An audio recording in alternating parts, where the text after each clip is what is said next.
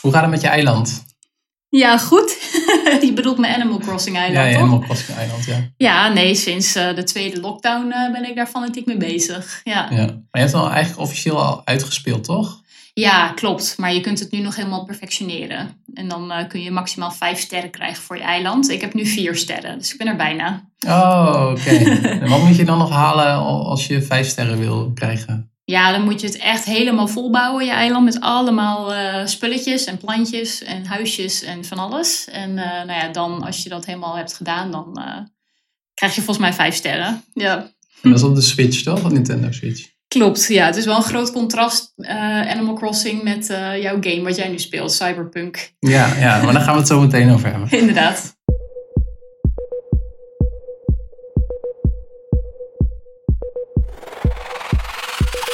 Welkom bij de podcast Supermens. Ik ben Peter Joosten. En ik ben jullie host, Suzanne Dullink. En vandaag hebben we het over de game Cyberpunk 2077, het existentialisme en de Japanse boekvertaling van Peters boek Supermens. In de beschrijving van de podcast staan timestamps. In sommige apps kun je daarop klikken en dan direct naar dat deel van de podcast gaan. Heel veel luisterplezier.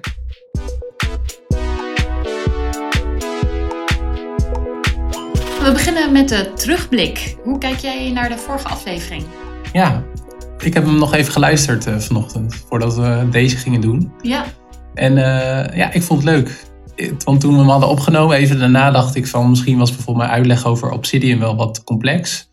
En misschien, misschien is dat ook wel zo, maar ik vond het best wel goed te volgen. En ik was ook wel in de aanloop naar zeg maar, het maken van deze podcast... dacht ik van uh, in eerste instantie van zou ik dat alleen doen... Beetje zoals mijn voorbeeld, Kel Nieuwpoort, die heeft ook een podcast, die doet hij alleen. Maar toen ik het terugluisterde, dacht ik van, oh, ik vind het wel echt fijn dat jij, uh, dat jij een beetje sturing geeft. En gewoon vragen stelt als iets niet duidelijk is en zo. Dus uh, nou, vond ik best wel leuk, ja. Gelukkig, goed om te horen. Ja. En hij is ook goed beluisterd. Hij is goed beluisterd. Hij is uh, meer dan duizend keer nu geluisterd. Dus, Leuk. Ja. ja. Ja, dat, uh, ja, dus iedereen die nu luistert, superleuk. Superleuk dat je luistert. Mooi. En wat nog leuk is om te vertellen, is dat jij ook de cover art hebt gemaakt. Ja, klopt. Ja, nee, dat uh, is erg, was erg leuk om te doen. Ik uh, ja, ben steeds meer ook bezig met illustraties maken naast mijn andere werk als ZZP'er. Uh, ik doe eigenlijk vooral dingen op het gebied van marketing, communicatie, tekstschrijven en dat soort dingen. En soms ook helpen met podcasten, zoals dit. Zoals dit, ja. Maar um, ja, illustreren, dat uh, vind ik ook heel erg leuk om te doen. En uh, nou ja, jij was mijn eerste opdracht. En ik heb nu ook voor een andere goede vriendin van mij ook twee illustraties gemaakt voor haar in de keuken. Dus dat was ook heel erg leuk om te doen. En ik wil daar echt, ja, maar ook verder in ontwikkelen. Ja, dus als er iemand luistert die zo'n vraag heeft, ja, dan kun je naar mijn uh, website toe, mesaverdestudio.com. Oké, okay, nou, ik zal het in de show notes uh, zetten. Wie ja. weet dat er nog opdrachten uit voortvloeien. Ja, leuk. Ja. dat zou tof zijn. Dan uh, gaan we nu door naar de backstage pass. En dan hebben we het over een aantal dingen van jouw werk en dingen afgelopen maand. En dan beginnen we ook zakelijk. heb je daar iets van afgelopen maand? Leuks. Ja, wel wat leuks. Ik, werd, uh, kreeg een berichtje van mijn uitgever, uh, botuitgevers, uh, Evert. En hij zei van, nou er is interesse uit Japan en Zuid-Korea in de vertaling van, van je boek Supermens. Ja, heel tof. Ja, ja dus ik dacht van, wauw, wat, wat cool. Of ik, ja, ik, ik, hoop, ik hoopte wel van een soort van vertaling naar het Engels. Lijkt me wel heel erg leuk. Of Duitsland of zo. Maar ja, Japan en Zuid-Korea had ik niet zo snel, snel verwacht. En wat nog wel leuk is om te vertellen is dat, dat, een, um, dat die buitenlandse uitgeverijen die werken eigenlijk samen met Nederlanders. Of ja, in dit geval hè, Nederlanders die krijgen dan een exemplaar van Nederlandse boeken. Uh, Zij wonen in Japan ja. in dit geval en in Zuid-Korea. Ja, en die krijgen een heleboel Nederlandse boeken. Uh, en dan is van de Japanse uitgever dan de vraag van nou, welk, wat zou nou interessant voor ons zijn? En blijkbaar heeft iemand daar, of ja, nee, niemand in Zuid-Korea gezegd van nou, misschien is uh, Superman wel leuk. Dus dat zou echt heel onwerkelijk zijn. Ja. ja. Maar wel een mooie uitbreiding. Ja. Internationaal. Ja. ja. Ja, zeker. Het gevoel wat ik nog wel had is dat ik denk van... Uh, gaan ze niet mijn boek lezen en denken van dat we in Nederland heel erg achterlopen. Want ik heb natuurlijk wel veel verhalen van Nederlandse mensen... die bijvoorbeeld een exoskelet of een hersenchip uh, gebruiken. En ik heb altijd het gevoel dat, dat ze daar heel erg voorop lopen in dat soort ontwikkelingen. Maar uh, nou ja, blijkbaar is dat niet zo. Of geldt dat voor niet iedereen in ieder geval in dat land? Ja, ik denk de gemiddelde bewoner die uh, zal niet uh, extreem daarmee bezig zijn. Nee. Of, nee. Maar we zijn natuurlijk ook op reis geweest naar Japan. En daar zag je toch wel meer die, die robots en zo bij hotels. En ze deden wel veel met, met technologie. Ja, ja, Veel geautomatiseerd. Ja, ja, precies. Dat is ook wel dus het beeld wat, wat ik had. En nou ja, misschien is het juist daarom dat, ze, dat het boek hen heel erg aanspreekt. Dat ja, kan natuurlijk dat ook. kan ook. Ja. Nou ja, cool. Ik, ben, ik hoop dat het gaat lukken. Ja, ja, hoop ik ook. En op persoonlijk vlak? Nou, ik lees, uh, lees natuurlijk wel heel veel non, uh, non-fictie. En dat, dat wisselt een beetje door, soms heel specifiek op het gebied van, van mensverbetering. bijvoorbeeld een boek over genetische modificatie of dat soort dingen. En ik ben nu bezig met een enorme dikke pil op jouw aanraden trouwens, Behave van Robert Sapolsky. Ja, echt over de biologie van mens. Ja. En ons gedrag, wat daar natuurlijk ook uit voortvloeit, goed en slecht. Ja, ja. Ja super interessant. best complex, moet ik zeggen. Ja, heel gedetailleerd. Heel gedetailleerd, maar hij, hij, schrijft ook wel heel grappig en leuk. Het spreekt mij in ieder geval heel erg aan. Ja. En wat ik wel leuk vind aan die opbouw is dat, die ook, uh, dat het chronologisch is. Van wat gebeurt er nou voordat je een bepaalde handeling doet, de microseconden en op een gegeven moment de minuten. Dat gaat dan over neurotransmitters. En dan minuten voor gebeurtenis gaat dan over hormonen. En dan nou, uiteindelijk kom je volgens mij tot uh, de omgeving en dat soort dingen. Ja, hij, hij gaat steeds verder terug. Dus eerst echt de milliseconden voor de handeling tot en met uh, je geboorte en je voor aan je ouders en je voorouders. Ja. ja. Ja, dus, uh, maar goed, daar wou ik het eigenlijk niet over hebben. Nee. dat zou ik nu al heel lang mee bezig, maar het maakt niet uit. Uh, nee, want ik vind het ook heel leuk om science fiction te lezen. Of fictie, of science, in dit geval science fiction. En een van de dingen... Uh, dus ik, ik heb best wel wat science fiction gelezen, maar dat was altijd wel van Amerikaanse auteurs of Europese. Tot ik eigenlijk uh, een paar maanden geleden in aanraking kwam met een, uh, ja, met een Chinese auteur. Die heeft er ook allemaal internationale awards voor gewonnen. Hij heeft een trilogie geschreven. Het begint met het uh, drie lichamen probleem. En daar, daar, dat is eigenlijk het eerste boek. En het tweede boek ben ik even de naam vergeten. Maar ik ben nu bezig in het derde boek. En ja. En wat is de naam van de auteur? oh jee. of stel ik het dan een hele moeilijke vraag? Nee, dat is geen moeilijke vraag hoor. Uh, Xing Liu heet hij. Dus, okay. uh, ja.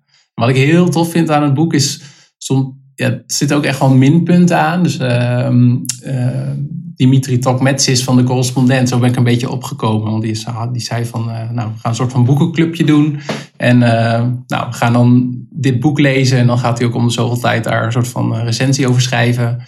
En ehm, nou, dat spoorde mij aan, maar het eerste, hij schrijft ook bij het eerste boek van ja, af en toe is de schrijfstijl een beetje uh, saai of droog, maar er zitten zulke fantastische ideeën en concepten in. Dat kan ik echt heel, uh, ja, ik ben echt zo van wauw. Soms heb je van die boeken waarvan je zeg maar niet wil dat ze eindigen. En dat, dan weet je gewoon dat je echt een goed boek leest. En dat heb ik nu echt met dit boek. Van, ik wil er gewoon in blijven, zeg maar. Maar de, dit is het derde boek en die, dat is ook de laatste. Ja, ja, ja, van de trilogie in ieder geval. Dat is de, de laatste. En wat ook wel heel leuk is, is dat de boeken wel echt heel anders zijn. Dus soms heb je wel een trilogie dat allemaal een beetje hetzelfde is. Maar nu ja, heb ik wel het gevoel dat ze echt wel... Ja, het zijn, je volgt natuurlijk wel bepaalde personen door de boeken heen. Maar het is wel echt uh, ja, andere, ik, andere vibe. En dat vind ik ook wel heel knap. Ja, precies. Dat elke keer toch weer anders is. En het gaat ook wel over mensverbetering en zo, of niet per se? Mm, nee, niet per se. Dat is niet, uh, niet, niet de basis. Dus het uh, gaat meer over het bezoek van uh, buitenaards leven eigenlijk. Oké. Okay. maar er zitten wel concepten in. Dus op een gegeven moment zijn ze ook bezig met het, hoe kunnen we ook de, het, het, menselijk brein of het menselijk verstand, hoe kunnen we dat uitbreiden bijvoorbeeld. dus het gaat niet zozeer echt over mensverbetering, maar wel over het leven in de toekomst, uh, de grenzen die de natuurkunde ons heeft gegeven. Dus dat is allemaal uh, heel boeiend. Ja. ja, cool. En nou, dat was al een beetje een terugblik. En, en heb je acties voor de komende maand? Ja, ik ben bezig met een artikel over cyborgs. Ja, leuk. Maar ja. ik vind altijd zo lastig, die definities van cyborgs. Wat is een cyborg? Ja. Allereerst. ja, dat is wel leuk, want dat is nu, dat is ook het stadium, want het wordt echt wel weer een long read, dus echt wel een, een lang stuk. En dan als ik begin met schrijven, dan denk ik van inderdaad, dan ga ik ook eerst nadenken van wat zou ik zelf willen weten op het moment dat ik zo'n stuk lees. En een van de dingen is dat ik ook dacht van ja, wat is nou precies de definitie? En wat wel heel leuk is, is dat in de jaren zestig hebben twee, uh, uh, ja, een hoogleraar ontwikkelingspsychologie heeft dat volgens mij voor de eerste keer ook de term cyborg gedefinieerd. Die heeft het dan over een cybernetische feedback loop voor als we als mensen in de ruimte zouden willen overleven. Dus uh, dat we, ja, de mensen zoals we nu zijn, kunnen we niet overleven in de ruimte. En nou, hun filosofie was van wat heb je dan nodig en hoe integreert dit, die technologie zich dan op een natuurlijke wijze met het menselijk lichaam. Hm. Dus dat ging heel erg over die, uh, die verbondenheid eigenlijk. Maar je ziet dat eigenlijk, wat ik heel boeiend vind, en daar ben ik ook nog niet helemaal over uit, is dat eigenlijk nu de term cyborg wordt niet zoveel meer in de wetenschap gebruikt. Dan gaat het meer over human enhancement, human augmentation, mensverbetering. En cyborg is pas eigenlijk veel meer bij de populaire cultuur. Dus uh, dat is ook waar ik direct aan moet denken, aan Terminator of uh, nou ja, strips met cyborgs erin. En uh, dus ik denk dat het ook wel te, te maken, ermee te maken heeft, is dat we ja, we spreken wat minder echt over cyborgs, maar wel over van hebben we, iemand heeft een, uh, een bionische arm of iemand heeft een, uh, een hersenchip omdat uh, hij of zij verlamd is. Dus mijn analyse is dat we het meer over specifieke ja, onderdelen hebben dan over een cyborg in het geheel.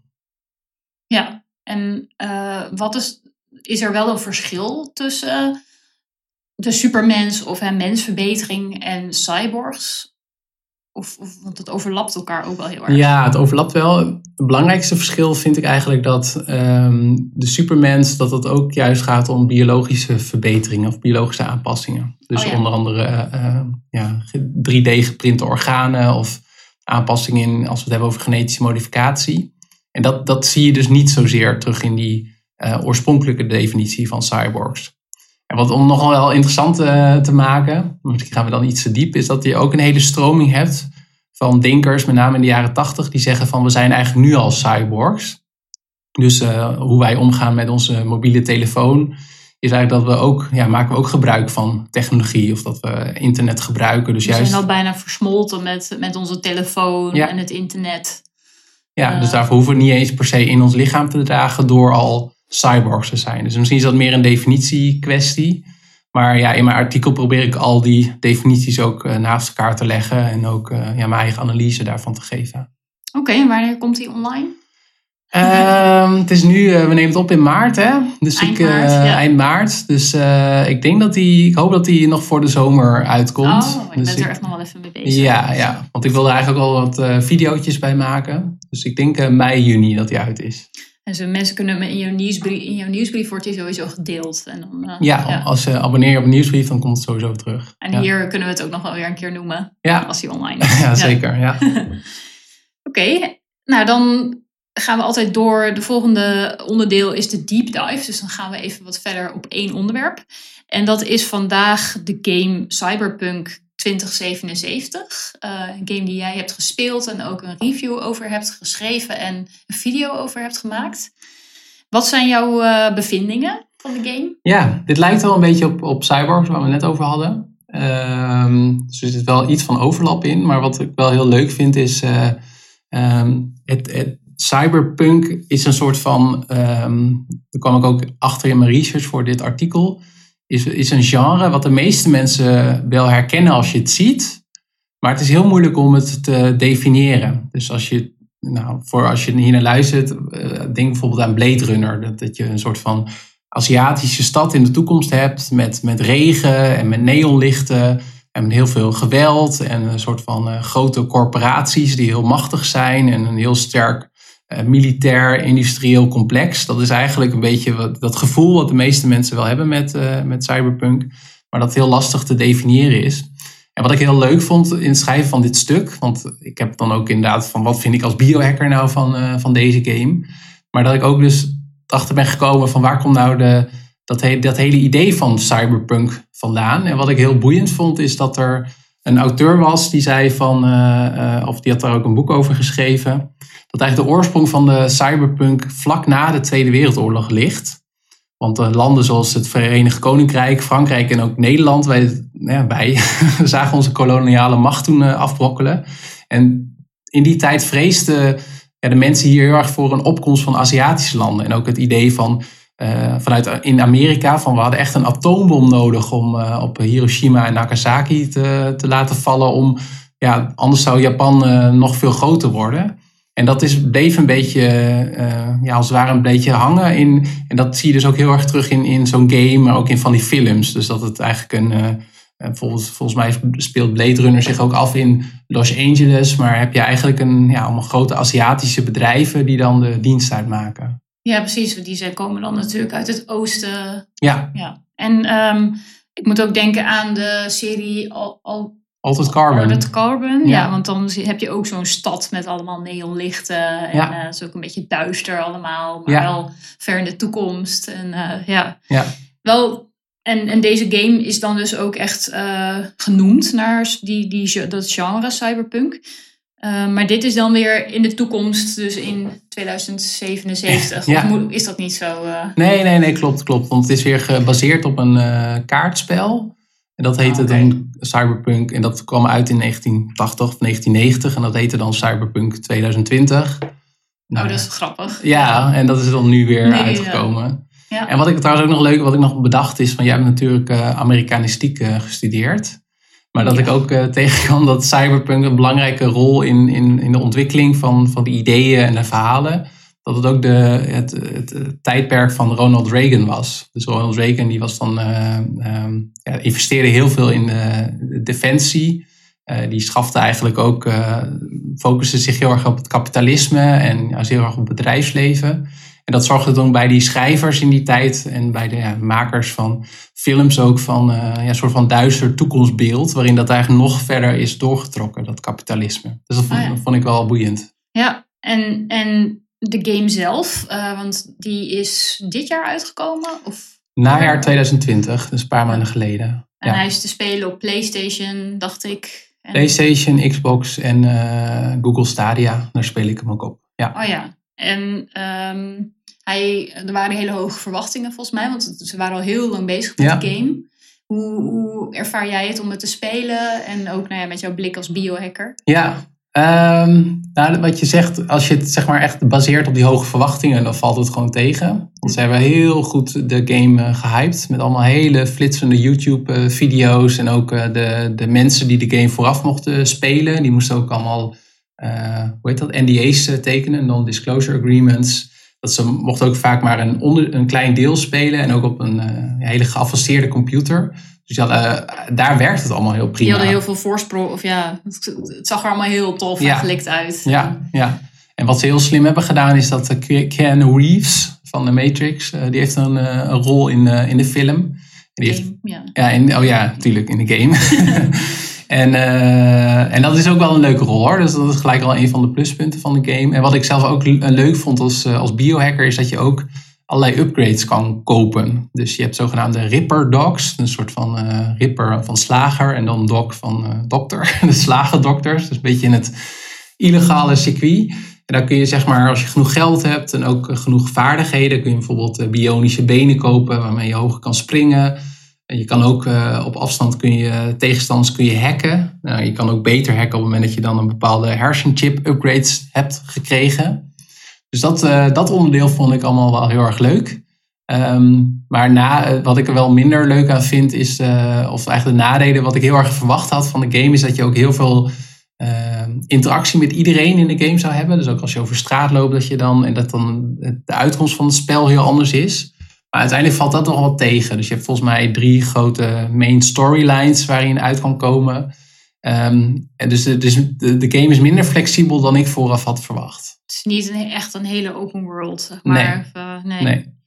En heb je ook het idee dat het ook realistisch is? Of is het vooral wel eh, science fiction? Ehm, volgens mij is het wel vooral science fiction. In ieder geval als we het hebben over die upgrades. Dus Ja. een, een, eh, ja, een, ook een kritiekpunt vind ik dat je bijvoorbeeld in de game dat het ook alleen maar mechanische of elektronische upgrades zijn. Dus je kan niet, eh, eh, wat bijvoorbeeld in Altered Carbon wel was, dat je bepaalde genetische upgrades kan hebben of biologische upgrades. Ehm, en ja, de meeste dingen denk ik van, oh, dat is wel echt wel heel ver in de toekomst. Dus dat je ook bepaalde, bepaalde ehm, je zenuwstelsel kan uh, upgraden met een soort van elektronische draadjes. Of ehm, wat ik wel heel grappig vond, is dat je informatie kan krijgen in een soort van USB-sticks. En die kun je dan zo achter in je hoofd uh, steken. En dan heb je, kan je die informatie die direct downloaden. Nou ja, dat vind ik wel heel fascinerend, maar dat, dat, dat is echt nog wel toekomstmuziek. Maar wat ik ook wel tof vond, uh, als ik zeg maar die interviews lag met, las met de oorspronkelijke bedenkers van die cyberpunk verhalen uit de jaren 80 en 90, is dat ze ook heel erg zeggen van het, ons, onze verhalen zijn ook wel echt wel een soort van waarschuwing voor de toekomst. Van, hè, we moeten technologie, wat als technologie alleen door rijke bedrijven wordt toegepast. En dat vind ik dan wel weer interessant. Dan denk ik van, eigenlijk, misschien leven we al in een soort van wereld die zij ook al hadden bedacht. Als je ziet hoe afhankelijk we zijn van grote technologiebedrijven zoals Facebook of Apple of Google. Of, uh, dus, dus dan, dan, dan, is het niet zo donker of uh, dystopisch qua uiterlijk, zoals in, in, in, Cyberpunk. Maar misschien leven we er al wel een beetje in. Dus dat, ja, weet ik niet. En de, het is ook wel, die waarschuwing die zit ook wel in de game. Of ja, de game is natuurlijk ook vooral voor de lol natuurlijk om te spelen. Maar je merkt wel dat het er, dat gedachtegoed daar ook wel in terugkomt. Ja, ja dat, eh, dat zit zowel in de, in de verhalen zelf. Dus dat je een soort van moet opboksen tegen grote corporaties. Als ook in hele kleine dingen. Bijvoorbeeld dat je eh, in de auto rijdt. En dat, dat is wel heel tof hoor. Dus als je, je kan ook zeg maar door de stad rijden op je motor of op je auto. En dat hebben ze echt wel mooie graphics. En uh, dat gaat ook wel, ook als je gaat schieten en zo. De gameplay is allemaal wel in orde. Maar even terugkomen, als je in de auto rijdt, dan kun je ook uh, de radio aandoen. En dan hoor je ook een nieuwsbericht van dat een of ander bedrijf uh, um, corrupt was. Of dat er een bepaalde iemand is overleden vanwege zo'n bij zo'n Ripper Dog. Dus die nadelen die komen ook wel, wel terug. Um, niet heel expliciet, maar het zit er wel in. Ja, ja oké. Dus je blijft het, wat is je eindoordeel? Je blijft het wel spelen? Ja, ik heb het nog niet uitgespeeld. Mijn broer, uh, broertje, broer Jeroen, die heeft het wel uitgespeeld. En ik hoor ook van andere mensen uh, dat het einde wel een beetje apart is. Dus, maar ik blijf het wel spelen, want ik ook de, de, de missies die zijn best wel afwisselend. Dus ik heb ook uh, een keer een race moeten doen of, uh, of een keer ergens naartoe moeten slaan. Nou, het is een heel. Ja, je hoort al mij, ik ben geen ervaren gamer. Maar ik ga het wel uitspelen. Ik vind het wel leuk. Ja, ja mooi. Goed als hobby uh, voor erbij. Ja, ja, precies. Mooi. Oké, okay. dan gaan we door naar de bullets. Um, ik heb hier staan een boek wat je hebt gelezen. To be Thought If Fortunate. Ja, dat is een, een novelle die heb ik vorig jaar al gelezen en het was een uh, tip van uh, Ranier Ladan. Want uh, ik had hem een keer gesproken of op Twitter. En, ehm, ja, dus ook als je nu luistert en je hebt ook tips aan mij, laat het vooral weten. Ik heb echt een enorme lijst van boeken die ik nog wil lezen. Maar ik vind het wel leuk om tips te krijgen. Maar wat, wat hij zei van dat is wel echt een boek voor jou is omdat het, ehm, het gaat over eigenlijk ook weer over mensen op aarde die naar ja, buiten de aarde gaan om eh, planeten te ontdekken en leven te ontdekken. En wat ik er heel tof aan vond, is dat ze, de, de wetenschap daarachter was best wel goed.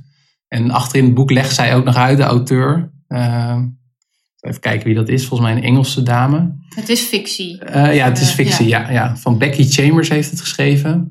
Uh, legt zo nog uit, zeg maar, hoe, ja, hoe ze de wetenschap daarachter heeft gedaan. En dat het allemaal klopt. En ze heeft daarvoor veel samengewerkt met uh, Lisa Nip. En zij doet bij MIT heel veel onderzoek. Dus dat is nu ook iemand die ik volg, omdat ik dat heel boeiend vind. een van de dingen waar ze bijvoorbeeld over schrijft is van nou, uh, op het moment dat je enorme afstanden moet reizen in, in de ruimte, um, hoe, dan moet je ook een soort van winterslaap hebben om het lichaam zeg maar ook in, in die staat uh, te houden.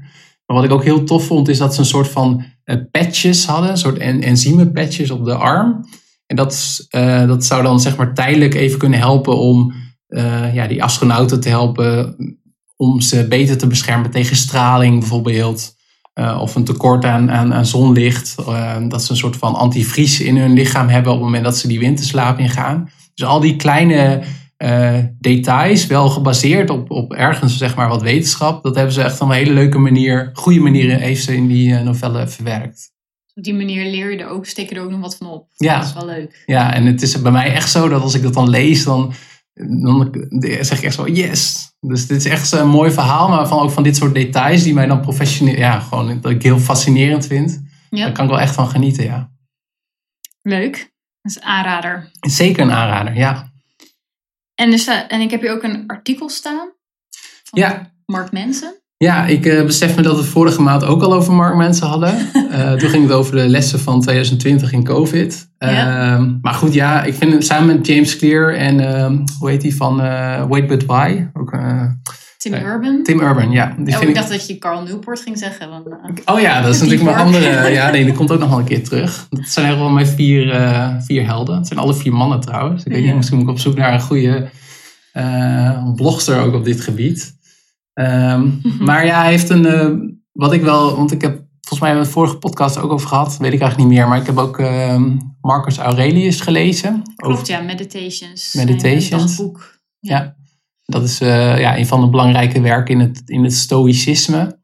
En dat artikel van Mark Manson, eh, dat is, eh, heeft als titel Why I, I Am Not a Stoic. En dat vond ik wel heel, sowieso een goede titel. Want dan klik ik erop, denk ik van oké. Omdat ik altijd dacht dat Mark Manson ook, heel, ook een stoïcijn zou zijn. Dus het stoïcisme gaat heel erg over van, eh, ja, accepteer de...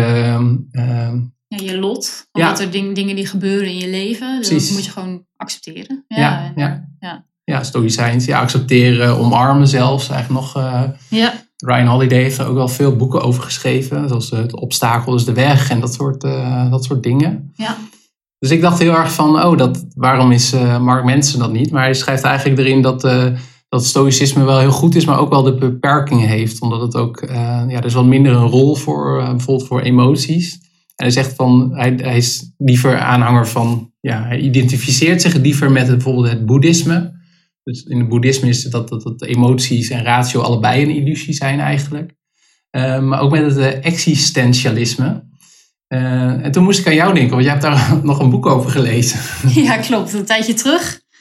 Eh, het boek De Exis- Existentialisten. Filosoferen over vrijheid, zijn en cocktails. Dat gaat eigenlijk over het leven van de filosofen. Dus hè, Sartre, de Beauvoir, Camus. Maar ook een heleboel anderen die wat minder bekend zijn. En over hun leven in de tijd van de Tweede Wereldoorlog. Daarvoor en ook daarna.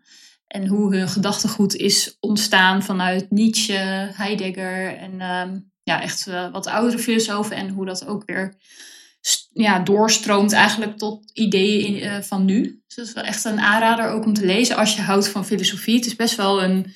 Ja, ook het boek zelf is best wel filosofisch. Er wordt veel uitgelegd over Mhm. de ideeën, het ideeëngoed van al deze filosofen. Maar het is- wordt ook op een leuke manier verteld, omdat ze dan ook vertellen over de. Want ze wonen veel in, in Frankrijk, in Parijs, hoe ze dan eh, naar de cafés gaan daar. En ook in de Tweede Wereldoorlog ehm, vluchten uit, uit Parijs. En, ehm, ja, en ook Heidegger, die woonde dan in, in, Duitsland. En eh, nou, hoe dat ook ging met het nazisme en zo. Dus dat is wel. ehm, nou, als je houdt van geschiedenis, verhalen, maar ook van filosofie, dan is de ex- existentialisten echt een aanrader. Ja, en wat is het dan precies? Ja, goede vraag. Nou, het is eigenlijk een, een filosofie waarbij juist ja, het, het, het kiezen en het nemen van verantwoordelijkheid eh, voor je leven juist heel erg centraal staan. Dus hè, ehm, Sartre die zei volgens mij ook, kiezen is verantwoordelijkheid nemen.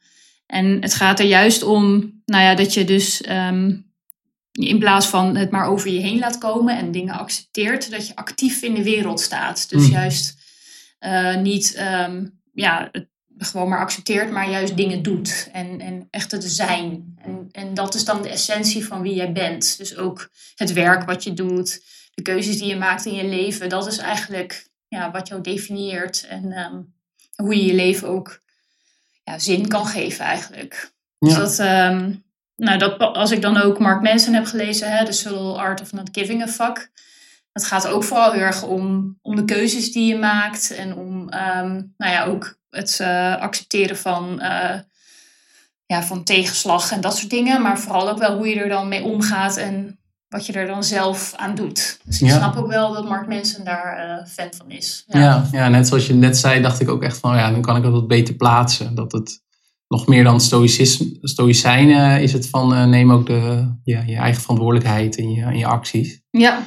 Wat ik me nog wel afvroeg is van, eh, het zijn allemaal namen waar ik van heb gehoord, Sartre en eh, Simone de Beauvoir. Waarom zijn ze dan zo invloedrijk eigenlijk? Nou, het, het stroomt ook wel heel erg door tot, tot nu eigenlijk nog steeds. Want je, hebt, je hoort nog steeds heel erg dat hè, eh, uiteindelijk dat je je eigen verantwoordelijkheid moet nemen. Het individualisme is natuurlijk heel erg populair nu. Maar ook na, de, ehm, nou, na hun grote hun boeken die, die ze allemaal hebben geschreven, is het ook heel erg doorgestroomd in de populaire media, in de films en in de, in de fictieboeken. Dus het is uh, ja, heel erg doorgecijpeld in onze westerse filosofie. Dus natuurlijk daarna ook komt er, is er ook alweer kritiek op gekomen, bijvoorbeeld vanuit het postmodernisme.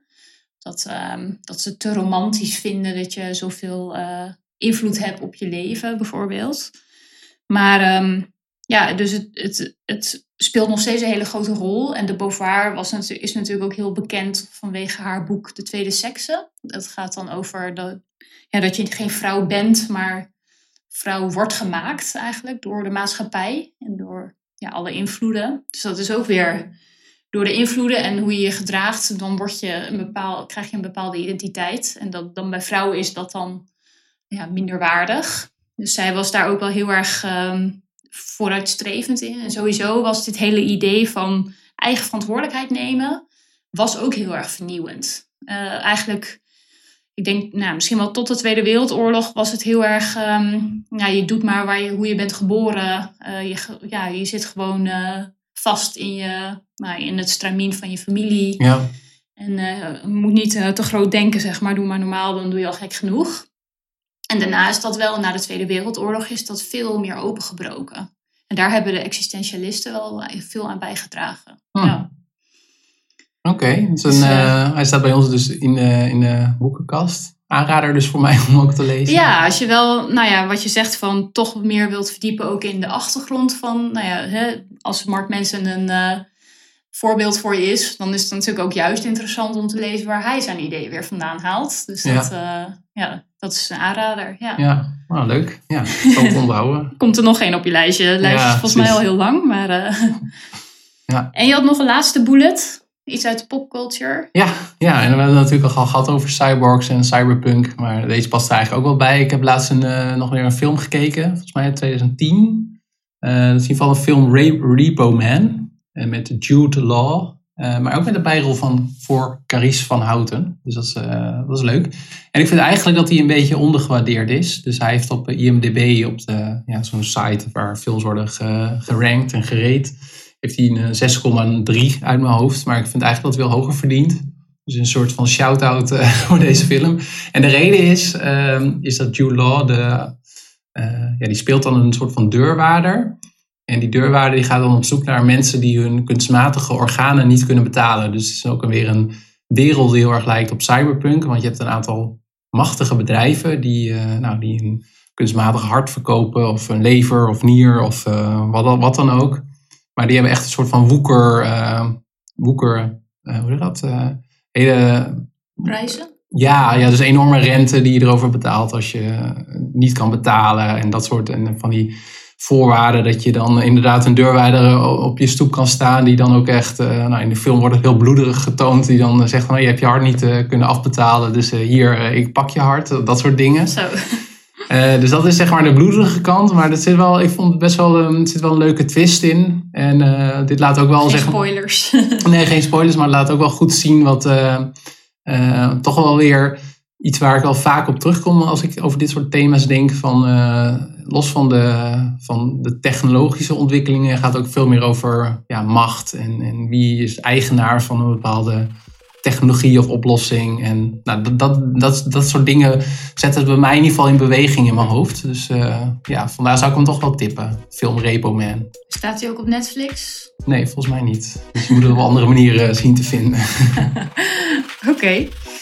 Nou, dankjewel uh, Peter voor al je tips en uh, inzichten. Ja, jij bedankt voor alle uitleg over de existentialisten. Ja, graag gedaan.